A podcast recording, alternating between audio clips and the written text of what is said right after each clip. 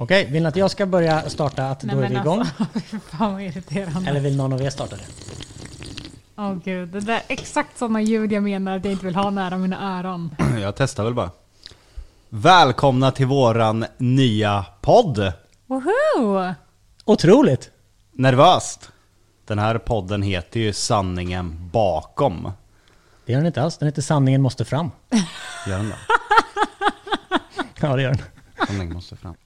Välkomna till våran nya podd! Woho! Hurra! Podd-dags!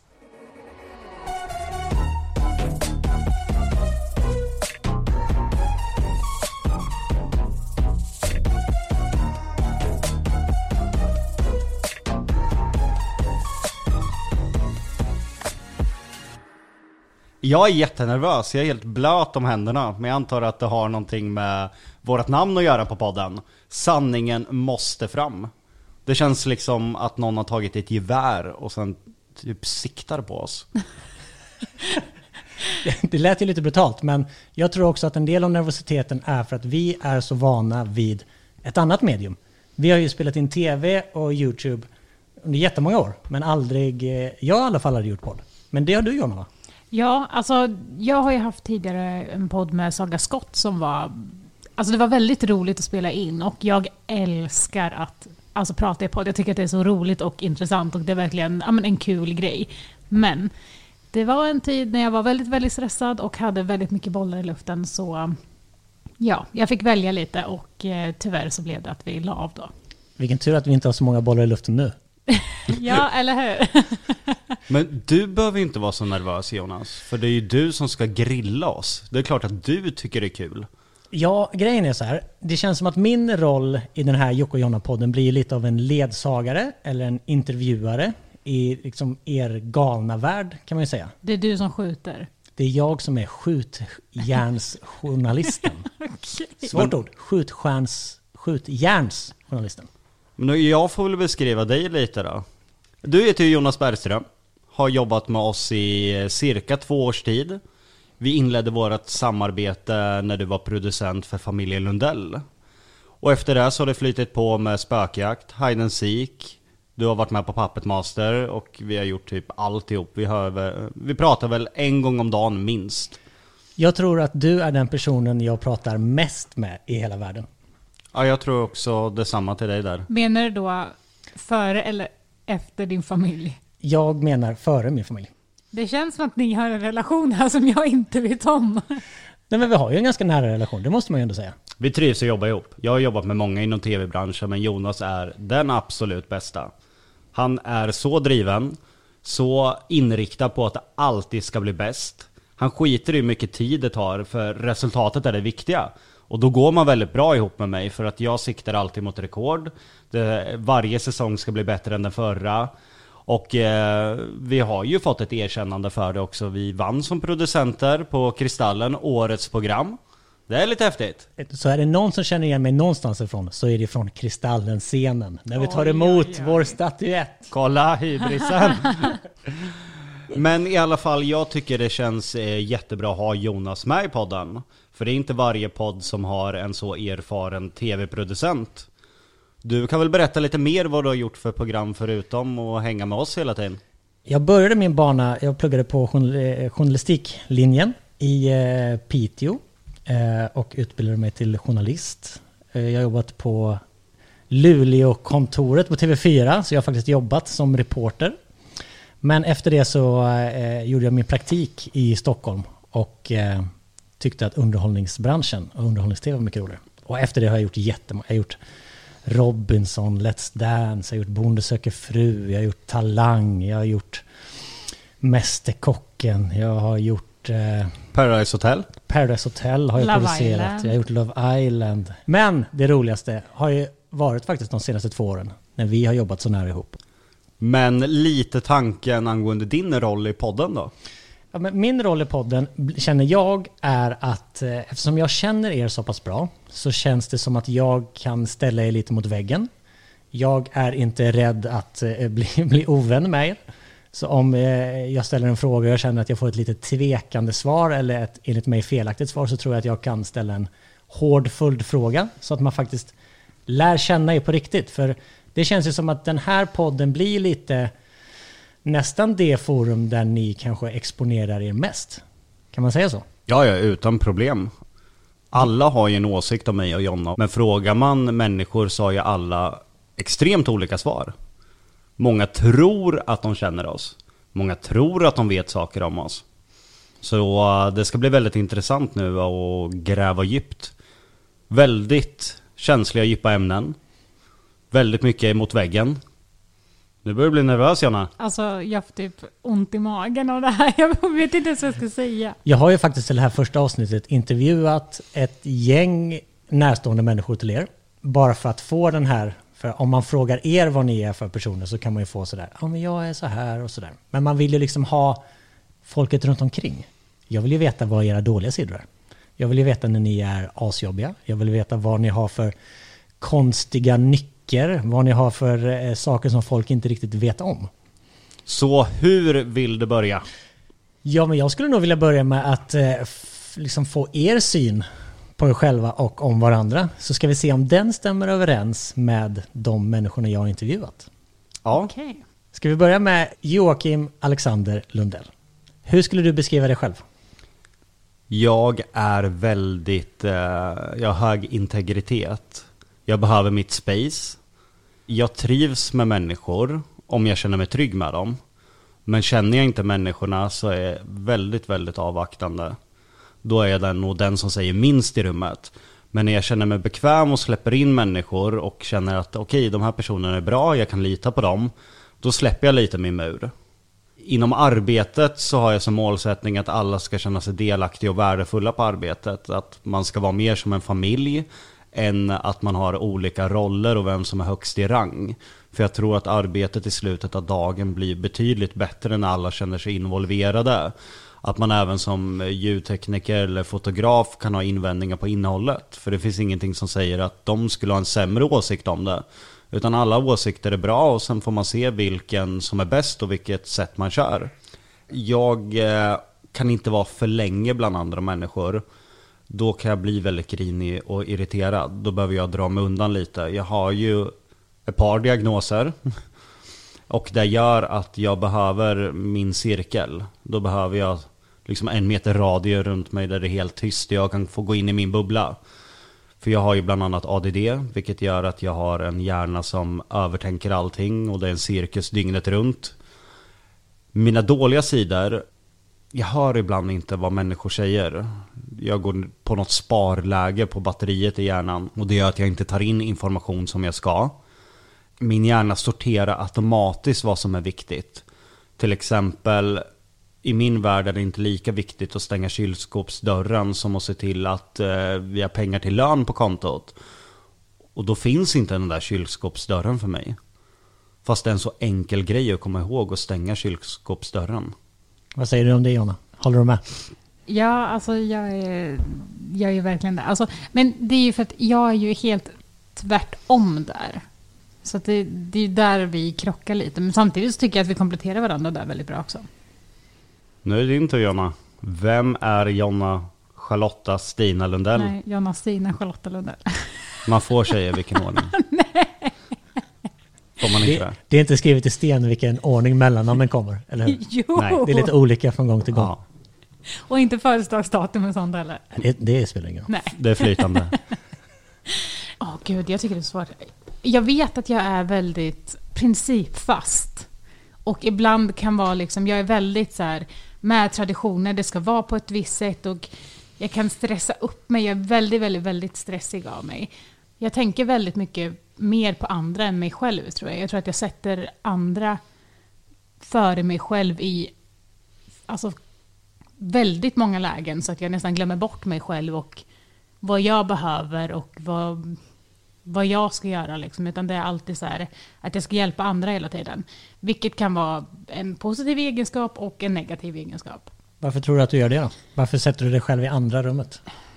Jag vet inte, jag vill nog vara alla till lags hela tiden och jag tror att det är min ensak att hjälpa andra hela tiden. Fast jag kanske någon gång behöver fixa håret och inte behöver skjutsa alla andra dit och följa med alla andra och hålla handen. Utan att det blir liksom att jag måste få min egen tid någon gång också. Och alla runt omkring mig säger ju också att nej men du måste göra det här för din egen skull och du behöver göra det här. Men det känns bara så jag vet inte, det, kän- det känns lite så som att aha, här kommer Jonna och hon ska åka och fixa håret. Vem fan tror hon att hon är? Vad skulle du säga om Jonas analys om sig själv? Jag tycker att det Jonna säger stämmer väldigt bra. Jonna är i grunden en person som bryr sig väldigt mycket om andra, väldigt omhändertagande. Hon är en praktisk människa, en planeringsmänniska, vilket är motsatsen till mig. Jonnas största svaghet är hennes egna hjärnspöken som ställer till det för henne. Hon har väldigt svårt att eh, leva i... Att vara logisk i sina känslor. När Jonna känner en känsla så äter den upp henne. Det är den enda känslan hon kan känna. Är hon ledsen så har hon svårt att förstå att hon kan vara glad imorgon. Och då tar hon väldigt många beslut baserat på den känslan som äter upp henne. Men det är någonting som jag och Jonna har pratat väldigt mycket om. Att inte vara, som jag kallar det, lokal i sina känslor. Utan att försöka ta logiska beslut. För det blir väldigt mycket i affekt när man låter känslorna ta över. Och hon tänker väldigt mycket på saker som inte har hänt. Tänk om det här händer, tänk om du gör det här, tänk om det blir så här. Och där påbörjar ju en negativ spiral. Och det gör att hon, som hon själv beskriver, stressar upp sig själv väldigt mycket. Jonna är en eh, person som börjar stressa innan det ens har blivit stress. Hon lägger den stressen på sig själv och jag vet inte riktigt vad det beror på. Ibland känns det som att hon vill vara konstant stressad. För det är många situationer där det inte finns någon anledning överhuvudtaget att varken oroa sig eller stressa. Man kan ta lite exempel som förr, när jag skulle fylla år, då började hon stressa upp sig flera veckor innan och skulle göra den perfekta födelsedagen. Sen gjorde stressen henne arg. Så när den här födelsedagen kom, då var hon arg på mig istället. Och det blev så att vi inte firade överhuvudtaget för att hon var på så dåligt humör. Det finns en sån här liknelse från Star Wars-filmen. Det, det, det, angående Darth Vader, där när Anakin ska bli Darth Vader. Vänta, vänta. Ska du precis jämföra mig med Darth Vader? Nej men en liten liknelse där. Eh, han, han får ju en så här prediction att eh, hans eh, trolovade då ska dö. Och han går och oroar sig och äter den där känslan så pass mycket att det är han som driver henne till döden sen. Hade han inte vetat om den där prediction, då hade det förmodligen aldrig hänt. Och samma sak med Jonna, hon vet att den här födelsedagen kommer. Och det är det enda att hon ska göra det så bra som möjligt. Att hon glömmer bort att det är min födelsedag och att jag egentligen bara vill ha en dag med familjen med kärlek. Men hon bygger upp det till någonting helt annat. Tills hela känslan äter upp henne. Sen glömmer hon bort varför egentligen, det- varför man ska göra den här födelsedagen. Ja, alltså han kan sätta ord på vad jag känner och hur det är. För att oavsett om det är någon födelsedag, om det är någons baby shower, om det är någons eh, inflyttningsfest eller julafton, då vill jag få det till den bästa av den bästa. Men jag sätter så jävla höga krav på mig själv och den dagen då att det bara blir liksom skit utav det. Det blir bara pannkaka. Sen har ju Jonna en väldigt eh, låg självkänsla, vilket jag har jättesvårt att förstå. Men jag accepterar hennes känsla, det är hennes känsla. Men jag själv har jättesvårt att förstå för hon är jätteduktig, jättedriven och en superfantastisk människa både på planet med att jobba och det privata. Men det är svårt när en känsla säger att man inte känner sig bra. Jonna har ju extremt svårt att ta komplimanger. Och inte bara kunna slå ifrån sig dem utan försöka hitta något underdolt syfte med komplimangen som ska vara till det negativa. Vi sitter och äter häromdagen och eh, hon har sminkat sig på ett visst sätt så det ser ut att hon har lite fräknar. Och jag tycker det är jättegulligt. Så säger jag, vad, vad fin du är, det ser ut som du har lite fräknar. Och hon, vad var det du sa exakt? Du sa typ här, du skulle passa jättebra i fräknar, det ser ut som att du har lite fräknar. Jag bara, vadå har jag sminkat mig konstigt eller? Och då är jag inte fin som jag är. Och då duger jag inte. Bara, vadå har du fått en dille på fräknarna eller? Och då vill du ha någon som har fräknar? Och jag bara, hur fan lyckades du ta en komplimang och få det till att jag inte vill ha dig längre, att jag vill ha någon med fräknar? Och det, det är överlag, hon har supersvårt att ta en komplimang att hon är fin. För att hon ser sig själv på ett helt annat sätt än vad jag ser henne. Jag har extremt dålig självkänsla, men jag försöker ändå jobba på det. Och jag har inte dålig självkänsla om till exempel någon av våra följare skulle skriva typ fan vad ful du är, eller fan vad fet du är, eller eh, vad dålig du är. Alltså där kan jag slå bort direkt. Men det är liksom så här, jag bryr mig så mycket om vad andra runt omkring mig tycker om mig tror jag. Ja men har du, när du säger att det är liksom folk runt omkring dig, är det någon någonsin som har sagt något som motbevisar det då? Nej, men jag, alltså jag tror att det handlar om, alltså, inte bara utseendemässigt heller, utan typ om någon säger så här, fan vad grym du var på jobbet idag, då skulle jag bara säga, varför var jag där? Alltså det är liksom så här, jag kan inte ta en komplimang och jag vet inte hur man ska bestämma, Alltså jag, jag kan liksom inte säga tack, jag kan inte, alltså jag vet inte hur jag ska liksom bemöta en komplimang. Det känns så konstigt att jag skulle ha gjort någonting bra. Varför trackar du ner så mycket på dig själv tror du? Alltså jag är bra på att föda barn. Det jag tycker att jag är bra på. Får jag säga lite vad jag tror det kan bero på? Jag har ju alltid varit frontpersonen för Jocke och Jonna. I stort sett sedan vi började. Och där får jag ofta vara väldigt tydlig med att eh, det är fler än jag som gör jobb. Absolut, jag gör väldigt mycket jobb och kommer på idéer, men för det ska man inte ta det för givet. För att Jonna är fruktansvärt kreativ när hon lägger den sidan till. Hon är jätteduktig på att se till att saker händer i rätt ordning, i rätt planering. Och eh, när jag ska komma på de absolut svåraste idéerna, då är det ni två i rummet här jag vänder mig till. Antingen då Jonas eller faktiskt till Jonna. Vad, vad, vad känner du när jag säger det? Alltså jag känner ju igen mig. Jag vet ju att det, alltså, att det är så. Och jag vet ju även att jag har kommit på väldigt många idéer när du har frågat som du faktiskt har använt sen. Och det, det ger ju mig en liten boost. Att det är liksom, ja, men det där, han använde det, det var min idé. Alltså det tycker jag är jättekul.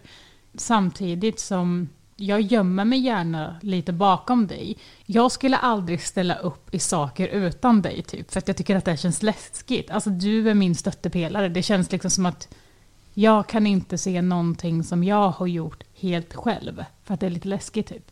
En hård fråga här då. Nej. Det är jag som ställer de hårda frågorna tack. Ja, men nu kommer jag ställa en lite hård. Är du lite rädd för vem du är som person utan mig? Alltså det är så himla svårt att säga överlag. För att jag känner att jag är så långt ifrån den personen jag var innan vi träffades. Just för att jag var så himla pass ung. Du och jag träffades när jag var 16 eller 17 år. Um, och då var jag inte vuxen. Vilket gör att jag har ju gått igenom tonåren och sen blivit vuxen. Och sen har vi gått igenom så himla mycket ihop, både privat och jobbmässigt. Så att jag vet att jag inte är den personen jag var då. Och jag vet att jag har, ja, men jag har ändrat min personlighet väldigt mycket på vägen där. Men skulle du säga att du är stolt över dig själv Jonna? Alltså jag vet inte. Det är, jag tycker att jag är en bra mamma. Eller alltså jag kan inte säga att jag är en fantastisk mamma. Jag gör mitt bästa. Och det tycker jag att jag gör bra. Ehm, men eh, sen finns det saker jag kanske är mindre stolt över. Ja. Säg två saker utan att vara mamma som du är stolt över. Ehm, jag är eh, en planeringsmänniska.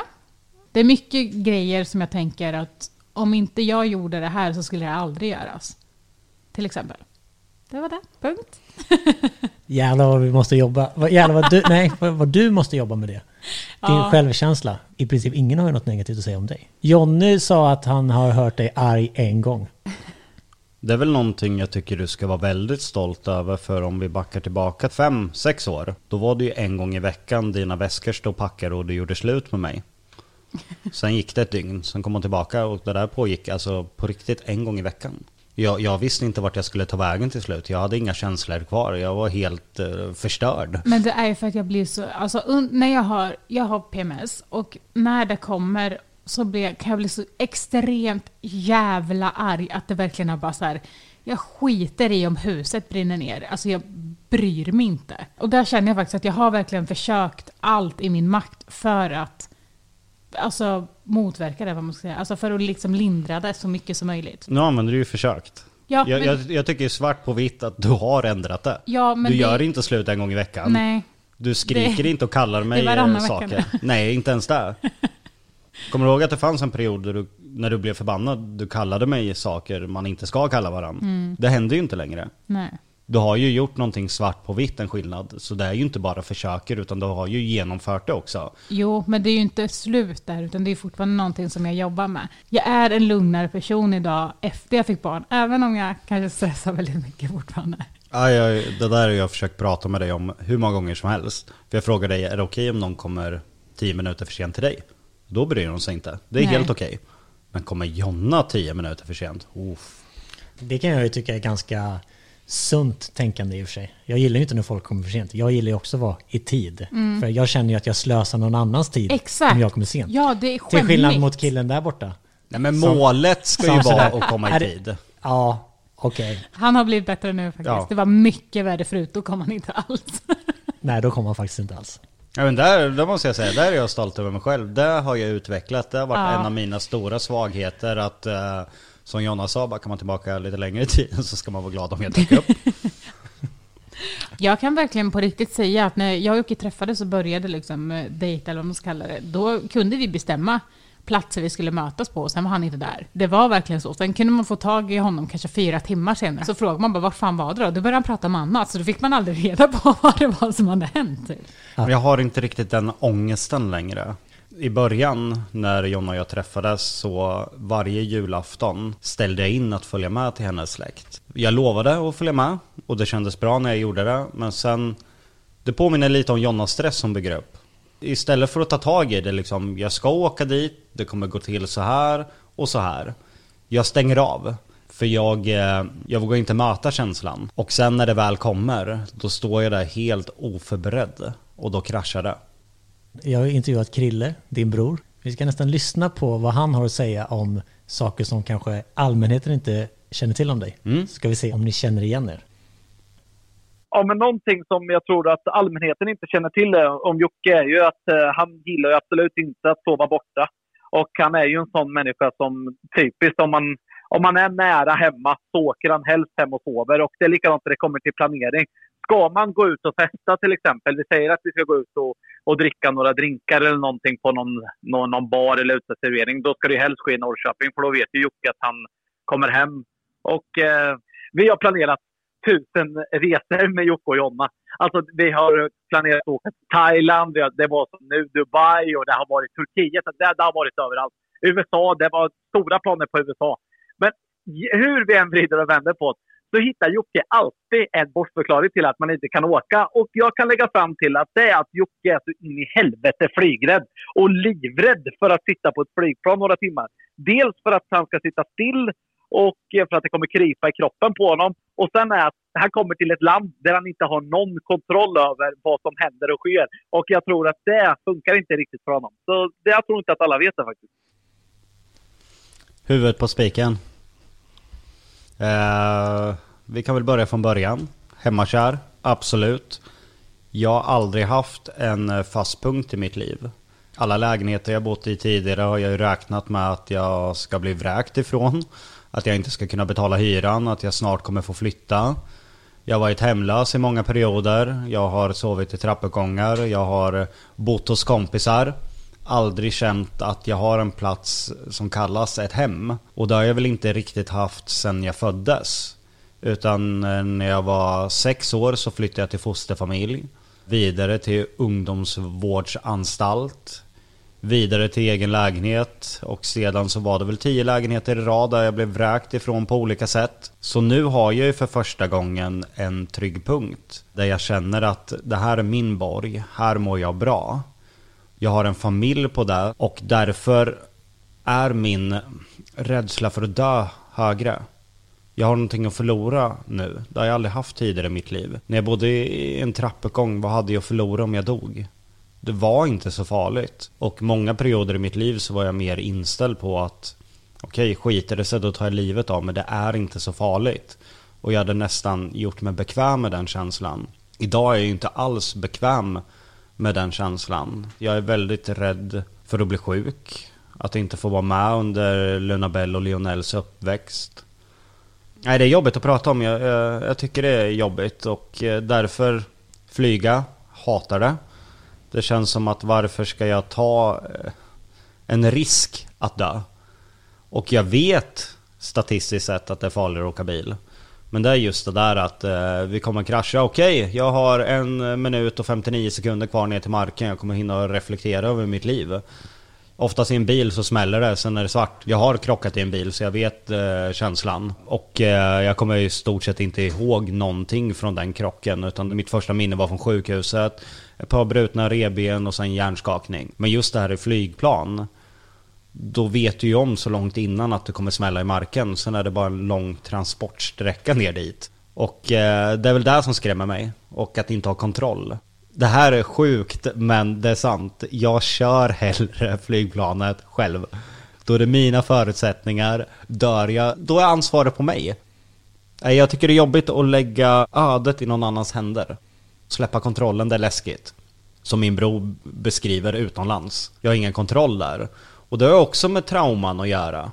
Jag, jag tror att det ligger någonstans i min aura att utstråla att det är något lurt på gång. Fast det inte är det. Det finns hur många exempel som helst när jag är den enda som blir stannad. Dubai, när vi åker dit på resa. Alla kommer igenom precis som vanligt. Eh, via Vid ankomstterminalen kommer fram två, två män med uniform, automatkarbin. Självklart är det mig de ber för att följa med. Ska kolla igenom allting, känna igenom fickor och väska. Och det blir så här obehagligt. Okej, Dubai. Landet där en ensam människa kan ta ett beslut att någon ska sitta livstid i fängelse. Det, det känns inte sådär jättesäkert. Alltså vad vet jag? Alltså någon kan gå förbi mig på flygplatsen, bara stoppa ner en påse i min ficka utan att jag märker. Sen kommer de här männen och stannar mig. Oj!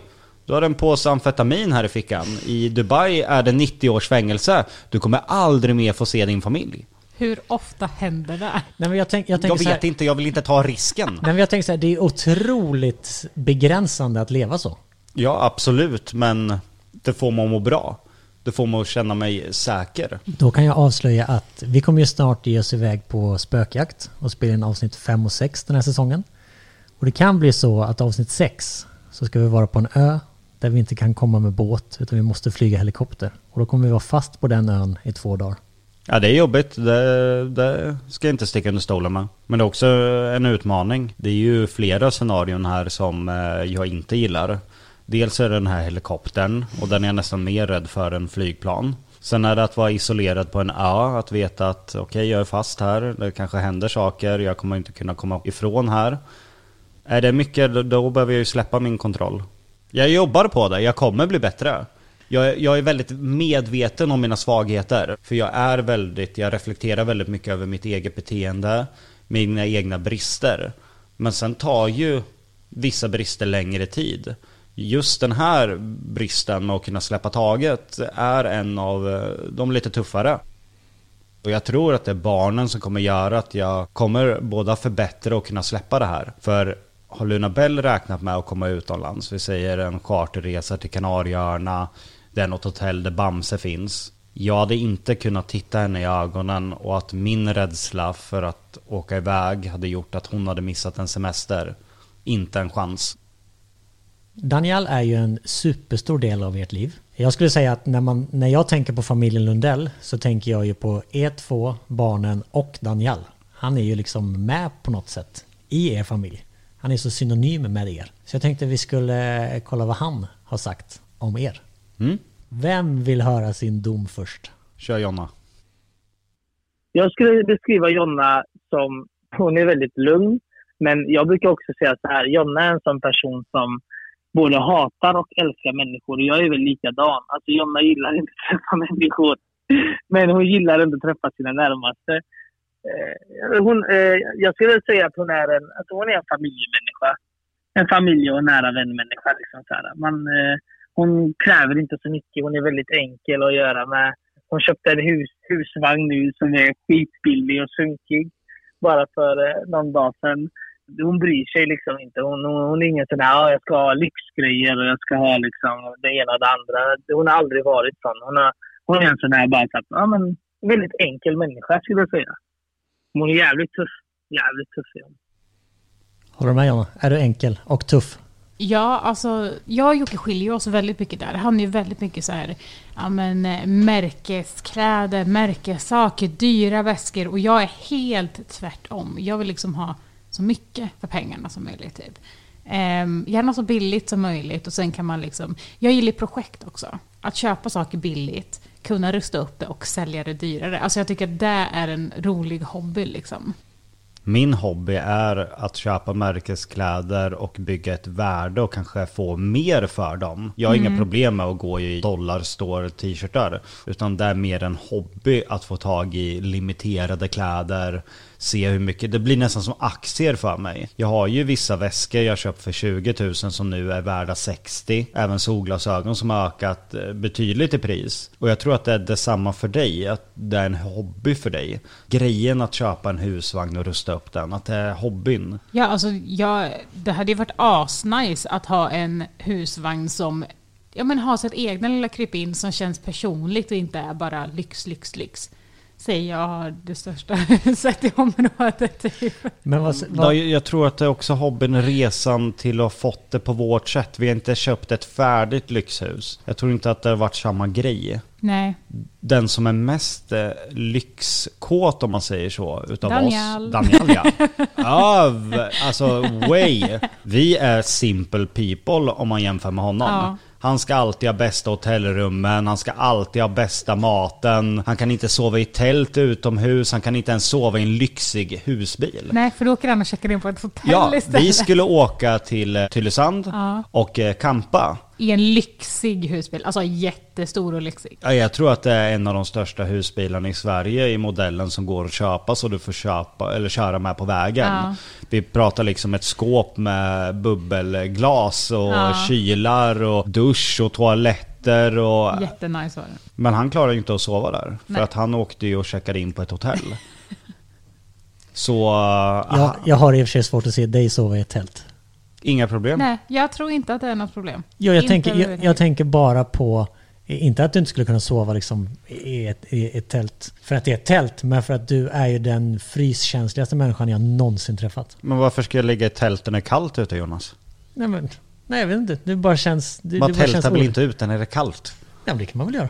Men varför skulle jag vilja göra det? Ja, men det är ganska kyligt på natten. ja, men han hade löst det. Då hade han fixat så att det hade varit någon värmegrej där. Eller på ja, för det här är ändå en man som liksom sitter i tjocka täckjackor och har 30 grader i bilen. Och i ert hus är det ju alltid orimligt varmt. Håller med. Ja, jag, jag är väldigt... Jag har ju börjat reflektera om det är en sjukdom. Nej, men det måste vara någonting. Andra säsongen av Spökjakt. Vi åkte upp till LaxTons, Borgvattnet, prästgården. Då sitter Jocke alltså på fullaste allvar i den här bussen som vi har hyrt och inte har någon jacka. Vi mm. åkte upp till Norrland i februari och han har ingen jacka. Varför förbereder du inte bättre bara? För att det är en av mina svagaste sidor. Att vara förberedd. Det... Och det är där han har mig. ja, ja. Alltså, jag lägger mig platt. Men jag tror också att där är jag nog lite hönsmamma till dig. För att jag vill ju, som sagt jag är en planeringsmänniska. Jag vill se till att barnen alltid har rätt saker med sig, jag ska ha rätt saker med mig och Jocke. Så att jag skulle aldrig låta honom packa en väska själv. Så att jag tror att det handlar om mitt jävla kontrollbehov där också. Men jag tycker ändå det är bra för vi kompletterar varandra väldigt mycket. Du är inte så mycket insatta i det ekonomiska. Mm. Utan där sköter jag och du ser till att planeringen blir som det ska. Och vi har väl kommit fram till att man gör där man är bäst på. Ja, alltså jag vet inte ens vad jag har i lön. Så illa är det. Är det de klassiska mans och kvinnsrollerna vi har kommit in på nu? Det har inte att göra med vad vi har är för kön, utan det har mer att göra med vad vi faktiskt är bra på. Och nu råkar det vara så att jag är bra på just de sakerna som är typisk för detta tjej och kvinngrejer. Och, ja, så att det, i våran relation så har det ingenting liksom med att männen ska jobba mer och kvinnan ska ha mer hand om barnen. Utan det är bara så att vi, vi gör det som är, vi är bäst på. Men kan vi ändå bara vara överens om att det är orimligt att du inte packar din egen väska? Han får inte. Nej, jag vet inte om jag får det faktiskt. Okej, okay, men då är det Jonnas fel att du inte har kläder med dig. Men jag tror inte att det är på grund av dig. Jag låter som du försöker lägga skulden på dig för att jag är dålig på att packa. Utan det har varit hela mitt liv. Jag vet eh, alla sådana här samtal man hade i skolan. Jocke aldrig saker med sig till lektionen. Men när han väl är på lektionen, då är han jätteduktig. Men problemet är ju att han inte är på lektionen när den börjar. Och han har inte med sig pennor. Han har inte med sig block. Han har oftast inte ens med sig de böcker som hör till lektionen. Och det är ju någonting som har genomsyrat hela mitt liv. Alltså det där är du idag. Förutom att det är skolsaker, men att det är allt annat. Så vi har alltså kommit fram till att du har i princip inte förändrats någonting. Jo, på det jobb... Eh, jag har ju fått mer ansvar inom jobbet på ett mer administrativt eh, plan. Jag har ju absolut haft stort ansvar hela tiden i och med att jag har producerat sakerna. Men det har ju mer varit innehåll, efterbearbetning och sånt. Men jag har ju mer tagit ett administrativt eh, ansvar. Och det har ju lärt mig att se till att man har de saker man behöver till inspelning. Men jag måste applicera det på mig själv också. Jag har kommit så långt att jag ser till att vi har där vi ska på själva inspelningen. Men eh, jag kanske inte har med mig där jag behöver till inspelningen för att kunna göra inspelningen på bästa sätt. Men mm, på, någon, på något sätt är jag ju ändå på väg. I och med att jag har applicerat det på jobbet. Nu behöver jag bara applicera det på privata Jocke också. Att privata Jocke tar med sig det han behöver till jobbet. Ska vi höra på vad Daniel säger om det? Ja. Vad tror du han säger? Nej men jag vet väl, det är väl eh, det vanliga. Om du ska beskriva Jocke, vad skulle du säga då? Jag skulle säga att han är väldigt impulsiv. Han kan inte sitta still. Han eh, är jävligt smart, smartare än vad man tror. Det är hans stora styrka. Tror du att eh, det finns många där ute som har en fel bild av Jocke? Att de tror att han är något helt annat än vad han är? Det tror jag absolut. Grejen är så här att det kommer alltid vara så att det finns människor som kommer döma honom för det gamla och som inte kommer helt enkelt vilja att han ska gå vidare. Och så är det. Alltså, det är en hemsk värld vi lever i. Folk vill inte att man ska lyckas och, och det, det är det folket som aldrig kommer släppa honom och låta honom gå vidare. Vad säger du om det? Ja men det stämmer ju. Jag gillar ju att vara underskattad. Folk får gärna tro att jag är korkad. Det ger mig betydligt enklare att komma dit jag vill. Slipper man press, för det första.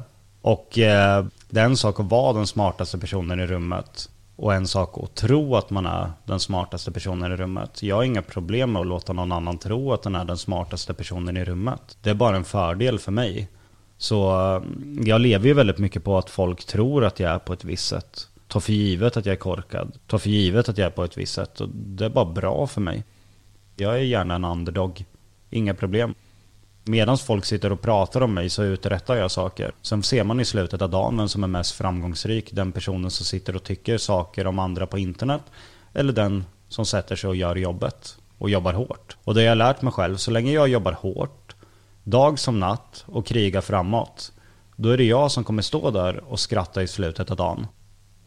Så jag, jag håller med Daniel i, i det han säger. Vad säger du Jonna?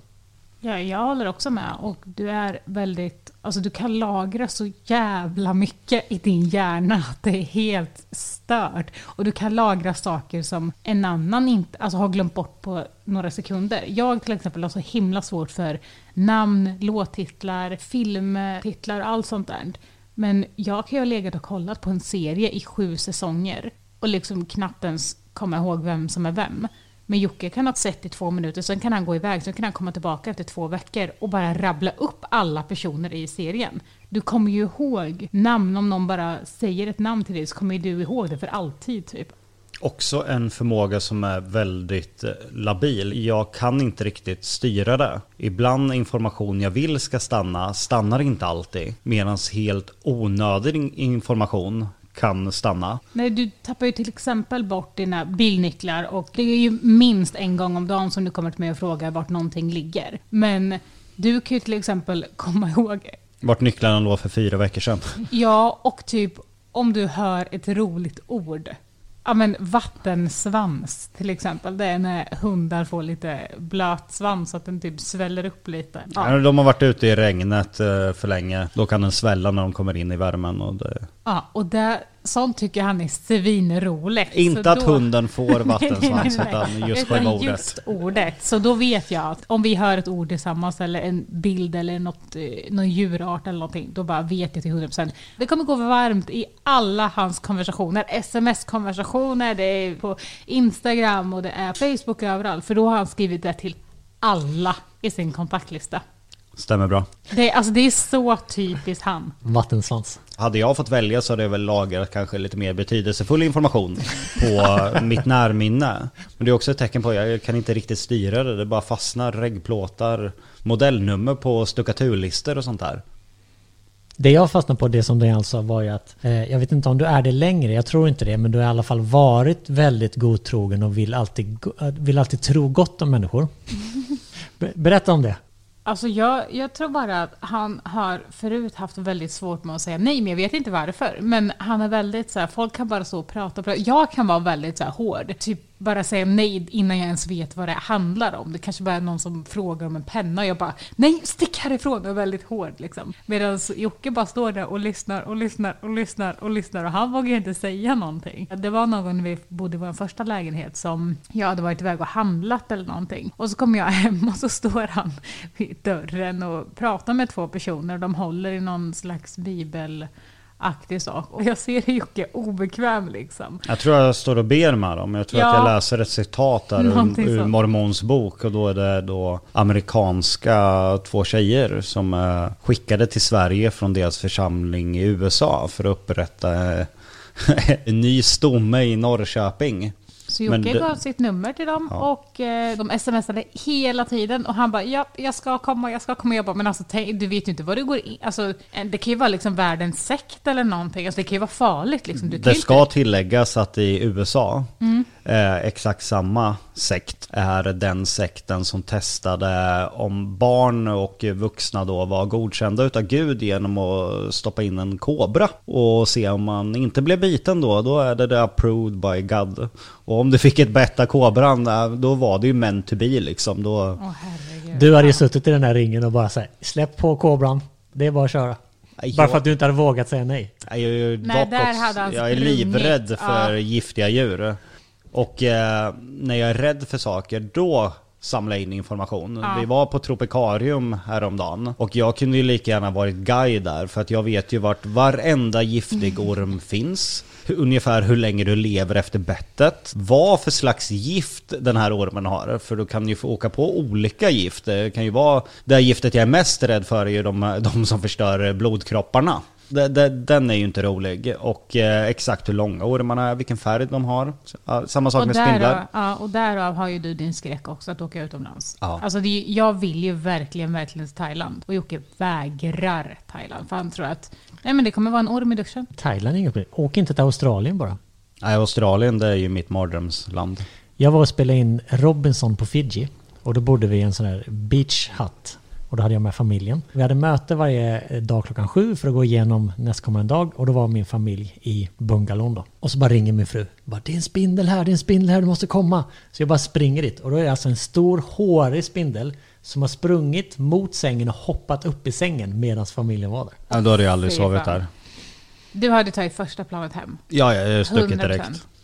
Nej men det tog ju ett tag tillbaka till eh, Mormons bok där. Det tog ju ett tag innan jag blev av med honom. Jag tror jag fick byta nummer faktiskt. eh, Innan det slutade där kontakten. Och det här är ju inte första gången. Jag har ju varit med i Jehovas vittnen sen tidigare också. Och även eh, Livets Ord. Och det är inte för att han vill, utan för att han känner sig tvingad.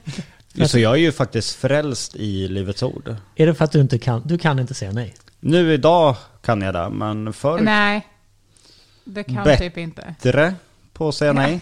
Ja, lite bättre, men du kan Skulle de Bättre- knacka på nu, då hade du ropat på mig. Exakt, Ja. jag är bättre för att jag... För att ta hjälp. Jag ser till att jag inte hamnar i situationen. Jag öppnar inte dörren för skumma människor som ser ut att sälja saker. Jag tar inte beslut vilka som ska anställas. Jag tar inte beslut vilka nya människor som kommer in i våra liv. För att jag suger på det. Jag är för godtrogen, jag utgår ifrån mig själv. Kan jag förändras kan alla förändras. Alla ska få en chans. Det spelar ingen roll om det liksom står att du är med i Hells Angels, du har en MC-väst på dig, du har tårar tatuerade under ögat, du har suttit inne för fyra mord. Enligt mig, jo. Men den här personen kanske kan eh, passa våra barn. Han vill ju förändras.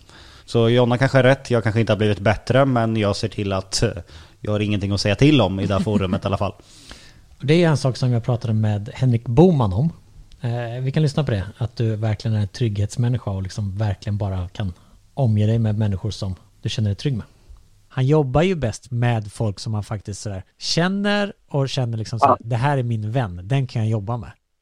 jag fattar att man är så framgångsrik så kommer det alltid komma folk och vill ta någon vinning av det. Alltså det är så många som kommit in i deras liv för att få Instagram-följare till exempel. Jag fattar att man blir misstänksam. Jag kan räkna upp typ tio, alltså top of mind, som bara har fått sina 50 000 K lämnat på olika sätt. Då ska jag fan också bli lite paranoid. Vad säger du om det? Är det så att du måste omge dig med människor som liksom inte bara är dina kollegor utan också dina vänner?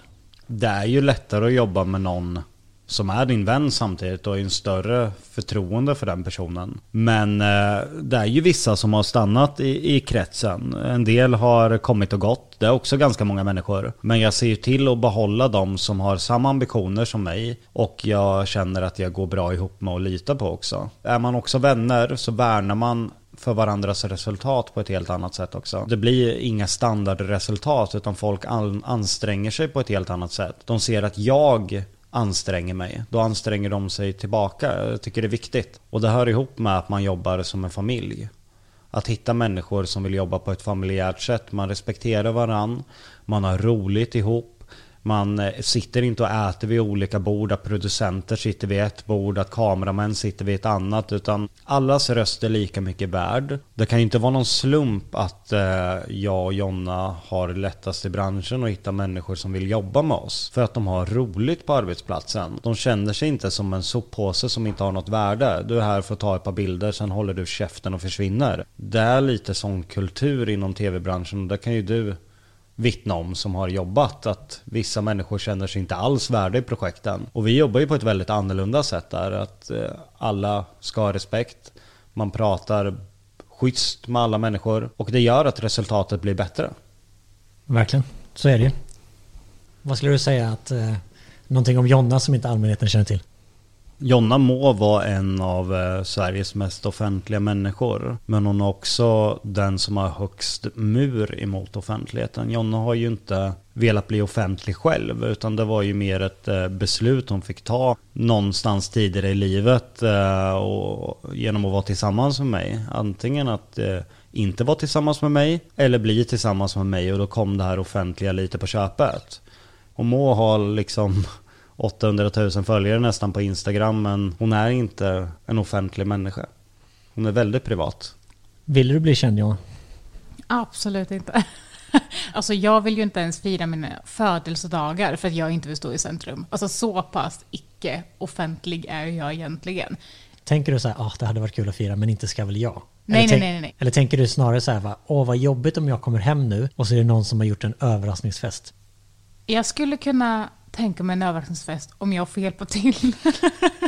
Kontrollbehovet. Ja, men det, det, är just det, att så här, varför skulle de lägga tid till att fixa saker till mig? men för att, de tycker om, för att de tycker om dig. Ja, alltså absolut, jag köper det. Men det känns ändå så här, vad då ska jag bara sitta och glo medan de fixar en fest till mig? Alltså, jag gillar ju att fira andras födelsedagar, för då får jag då att känna sig speciell.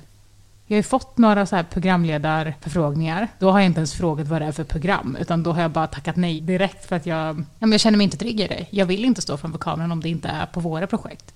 Let's Dance. Där har du ju fått frågan flera gånger. Ja, de har ju tjatat på mig alltså. Men, och det skulle jag vilja göra. Det, det är en kul grej. Men eh, alltså nej, jag, jag tror inte det. Jag har hört så mycket rykten om om vad som händer bakom kulisserna där. Och... Jag har jobbat med Let's Dance, jag har jättemycket insider-info. ja. Det är knulleriet. Ja, men ja. lite så, många som är otrogna, lite sådär. Då känner jag så här, ja, jag fattar att det blir intimt när man dansar. Och då ska man kanske inte sätta sig i den. Inte för att jag tror att jag hade varit otrogen, men varför chansa? Alltså, det känns dumt att sätta sig i den situationen. Det finns ju snygga dansare alltså. Ja, jo, det har jag, jag har ju kollat in med det.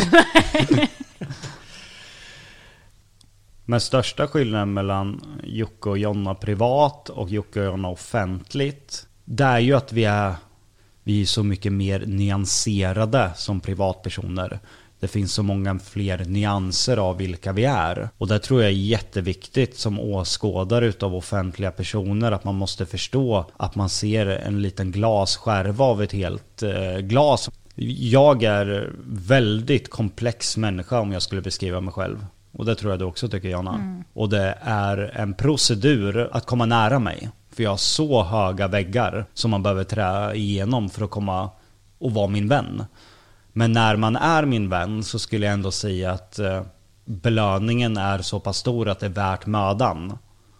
Men det tar väldigt lång tid att bli min och Jonas vän på riktigt. Vi är ärrade, vi är skadade och det märks. Vi har väldigt höga skydd. Vet ni hur man vet att man är kompis med speciellt Joakim Lundell? När han skickar roliga bilder och roliga saker. Med kanske lite grova skämt. Med, ja, med glimten i ögat. När man får bilder på katter som bajsar. Ja. När man får ljudfiler skickade till sig på stön. Ja. När man får bilder på hunden Batman som morrar åt en. Ja. Då vet man. Ja, ja men det, det är verkligen så. Då vet man att man är i den innersta kretsen. Närmare inpå går inte. Jag tycker ju hundar ser väldigt roliga ut när de bajsar för de får ett väldigt eh, skuldbelagt uttryck i ansiktet. Ja. Man ska ju absolut inte titta på en hund som bajsar för då kommer han inte kunna bajsa för att de känner sig så exploaterade hundar när de sitter och bajsar. Har ni tänkt på det? Det Jag, är ju jag något känner väldigt... dem. Ja, jag känner med dem verkligen. Man känner Alltså, med dem, det är något väldigt långt i ansiktet. De tittar upp emot Det människan som nästan så här, tittar. är det här okej? Exakt. Och de här bilderna, de Det är väl bara för att de vet att människan ska plocka upp deras jävla bajs sen. Så de bara Ja. förlåt, förlåt, förlåt, förlåt, förlåt, förlåt, Jag var förlåt. tvungen. Sen finns det ju Poop and Cats. Också jätteroligt. Alltså jag undrar bara, vart fan hittar du allt det här? Jag undrar det också. Ja, Jag, jag, jag älskar ju djurhumor. Det är ju bland det roligaste jag vet. det är så man vinner hans hjärta. Ja, djurhumor. Jag vet ju när han har till det här. För jag har ju intervjuat både Jonny, Rasmus och Daniel. Och alla de säger ju att det mest störande med Jocke, det är ju att han alltid sitter på sin telefon. Han har ju telefontimmar per dygn måste ju vara... Daniel gissade på 14 eller 15 timmar. Det måste vara mer. Nej men, Per dygn? ja! Men det är ju jätte... 14-15 timmar är väl inte så mycket? Jo, det är ju efter 15 timmar så har du bara Nu måste du kolla upp det där. 9 timmar till annat och Ja. på det ska jag sova också. Ja men du sover inte så många timmar. Nej, det är ju väldigt mycket telefonmöten. Ja, fast det är ju inte bara telefonmöten. Du sitter ju och gör väldigt mycket andra grejer på telefon. Jag säger inte att du inte jobbar. Men, Skär, skärmtid heter det. men du googlar ju också på pooping cats. John, hur många timmar tror du han sitter på telefonen? Nej men jag skulle tippa på 18 timmar kanske. Nej men vad Ja, fan. men alltså du pratar ju väldigt mycket i telefon. Alltså du gör ju allting ifrån din telefon. Du jobbar, du har möten. Alltså hur många möten har du inte om dagen? Uff. Sex möten minst typ. Ja. Ja. Varje gång du åker bil har du kopplat upp den för att ta möten. Alltså det är ju liksom... Det är ju inte så att du sitter och surfar. Alltså, Jo. ja, efter pooping cats, pooping dogs. Nej men det är, väl, det är väl mitt sätt att rensa hjärnan lite och få skratta. Men att är- ha kanske en minut jag får söka på de där bajsande hundar och katterna mellan alla dessa jävla möten. Låt mig bara ha det. Låt mig bara se den där oskyldiga hunden lägga den där stora jävla bajskorven på gräsmattan. Ja, jag I en jag minut. Jag förtjänar jag tycker det. Att, ja, jag tycker faktiskt att du gör det för att du har jobbat hårt så du måste få se de där hundarna bajsa. Ja, men jag tror Det- att jag men det- behöver, när det är så jävla mycket allvar. Det enda jag kräver, det är att när du pratar med mig så vill jag att du ger mig 100% fokus. För jag hör direkt, när man pratar med Jocke, så är det så här, då bara, Jocke, och så pratar man, och man pratar väl om något tv-program som vanligt. Den blir helt tyst. Och så hör man liksom bara så här, svarar inte. Jag bara, Jocke vad gör du? Vänta. Jocke? Mm? Vad, håller du på med telefonen? Jocke, kan du sluta hålla på med telefonen medan vi pratar? Du kan väl i alla fall liksom sådär, vänta fem minuter tills vi har pratat klart? Mm? Jag bara, okej. Ja, då kan man bara lägga på, för då vet man att man har förlorat honom. Ja, då har jag gått in i någonting nytt. Oftast tyvärr så är det Daniel som ligger bakom det. Då är det något som har hänt med någonting annat eller någonting som kräver eh, exakta svar i samma sekund ungefär. Och det, den tycker inte jag är schysst när jag får. Men eh, då dör hjärnan. Då, jag hör inte när du säger det där utan då har jag gått in i nästa bara ja, jag behöver svar på det här. Ska vi beställa det här nu? Nu måste beställningen gå iväg. Leverantören lägger på. Du vet ju hur Daniel är när det ska stressas. Då ska Hetsig. Hetsiga. Bank-id nu! Skriv på avtal nu! Om vi inte beställer det här exakt den här sekunden så kommer vi aldrig någonsin få det här. Det är en chans som försvinner. Och det låter samma sak imorgon och jag säger då är det också på samma sekund. Det är Daniel upp i dagen. Vi skyller din frånvaro på Daniel då. Jag tycker att vi har ändå fått en ganska, kanske... Jag tror att några lyssnare där ute kommer tänka hmm, det där visste jag fan inte. Om Jocke och Jonna. Och det är kul. Eller hur? Jag tror att en del kommer tycka att du är ganska dum i huvudet. tror jag faktiskt. Nu, det är, Det är så helt här man märker Det är att nu- Jocke börjar tröttna lite. Nej men där tror jag helt ärligt att det finns en målgrupp. Kanske mellan 20 och 30 procent utav lyssnarna som kommer tycka Vad gör han där? Nej Men inte just, nej, inte just Ja, vad han gör där men att de specifikt tycker att du är Ja men enkelt uttryckt lite dum i huvudet Mycket möjligt. är det nu jag kommer uppleva hat för, för första gången? Japp. Vem fan är du? Sluta förstöra Jocke och Jonas podd. Ja, Första nej. drevet. Nej, Jonas är jättebra. Jag hade faktiskt velat se honom under ett drev för, för vi har ju Jag blivit har, varit, utsatta jag för har varit med om ett drev, men det kan vi prata om i en annan podd. Det känns som vi har mycket att Ja. prata om ju. Jag tror vi avslutar för, eh, för idag. Ja. Vi har ju en Instagram. Sanningen måste fram. Utan å, ä, ö då. Sanningen måste fram. Men följ oss där i alla fall och eh, Det blir kul. skicka in frågor, ämnen. Vi har också en eh, mail.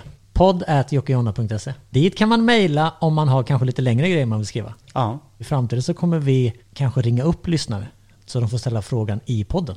Oh, spännande. Jag ser fram emot med den här podden att eh, gå djupare och djupare och djupare och verkligen se vilka är vi? Vilka åsikter har vi? Vilka värderingar har vi? Hur tänker vi i olika frågor? Röstar vi på samma parti? Ja. Du -du. Glöm inte att skicka in om ni har några specifika frågor som ni vill att vi ska ta upp i podden. För då gör vi det. Ja. podd.jockejonna.se Auf Wiedersehen. Adjö. Kan du säga det på franska? Aurora eller vad man säger? Arrivederci. Nej. Arrivederci, det är italienska. Ja men det är Aurora. Nej, nu kan jag inte göra det bara för det. Vi kan säga... Vet vad jag menar? Ja, Det franska ordet. Säger man, är det inte hej då på franska? jo det är det. Jag ska Men se om jag, jag, kan spela här. upp det här. Au revoir. Au revoir. Svårt ord. Au revoir. Au revoir. Det stavas alltså AU, mellanslag, R-E-V-O-I-R. Au revoir. Och det är hej då på franska då. Au revoir. Och med det Au säger vi... Och med det säger vi... Ja men jag avslutar med den här nu då. Okej? Au revoir. Tack för att ni lyssnade. Kul! Auf Wiedersehen. Nu är vi igång. Nu är vi igång. Hej då!